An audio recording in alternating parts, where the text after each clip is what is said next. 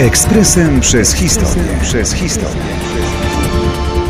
22 czerwca 1973 roku zakończyła się pierwsza załogowa misja na amerykańską stację orbitalną Skylab. Misja programu Skylab była przedsięwzięciem, które NASA przygotowywała długo i z wielką pieczołowitością.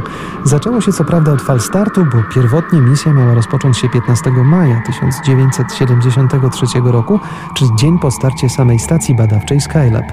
Niestety chwilowo zawiodły baterie słoneczne stacji i start misji trzeba było opóźnić aż o 10 dni. Te pierwsze trudne momenty nie stały się na szczęście przeszkodą. Trzyosobowa załoga składająca się z dowódcy, pilota i naukowca musiała jeszcze w trakcie tej misji pokonać wiele przeciwności, wykonując jednak większość z założonych przed startem prac. Zreperowali, co najważniejsze, uszkodzenia bazy. Przeprowadzili także konserwację urządzeń. Najbardziej stresującym zadaniem, i jakby tego było mało pierwszym, jakie musieli tam wykonać, było wyjście na zewnątrz i założenie specjalnej folii osłonowej. Kosztowało to ich, jak łatwo zgadnąć, mnóstwo stresu. Jeśli chodzi o naukową stronę tej misji, szczególnie istotne były przeprowadzone przez załogę obserwacje Słońca, a także fotografowanie powierzchni Ziemi. Ilość materiału fotograficznego nawet dziś może zrobić na nas wrażenie.